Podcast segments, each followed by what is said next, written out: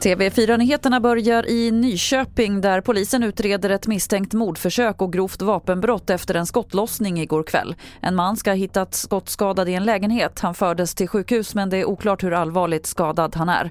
Två män är gripna och är misstänkta för att vara inblandade. Var tredje läkare på landets akutmottagningar och inom psykiatrin har utsatts för hot eller våld det senaste året. Det visar en stor enkätundersökning som Läkarförbundet gjort. Sofia Rydgren är ordförande i Sveriges läkarförbund. Det är ju förfärliga siffror. Eh, alla ska kunna känna sig trygga på sin arbetsplats. Det kan ju vara allt från att man blir hotad och eh, någon berättar jag vet var du bor någonstans till att man kanske i en fysisk situation blir trängd in mot en vägg eller kanske till och med ibland slagen eller hotad till livet.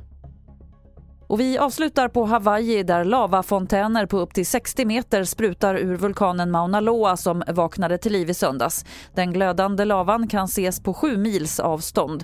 Tre sprickor har också öppnat sig i berget men enligt geologerna är det fortfarande ingen fara för de samhällen som ligger i närheten. Fler nyheter finns på tv4.se. Jag heter Lotta Wall.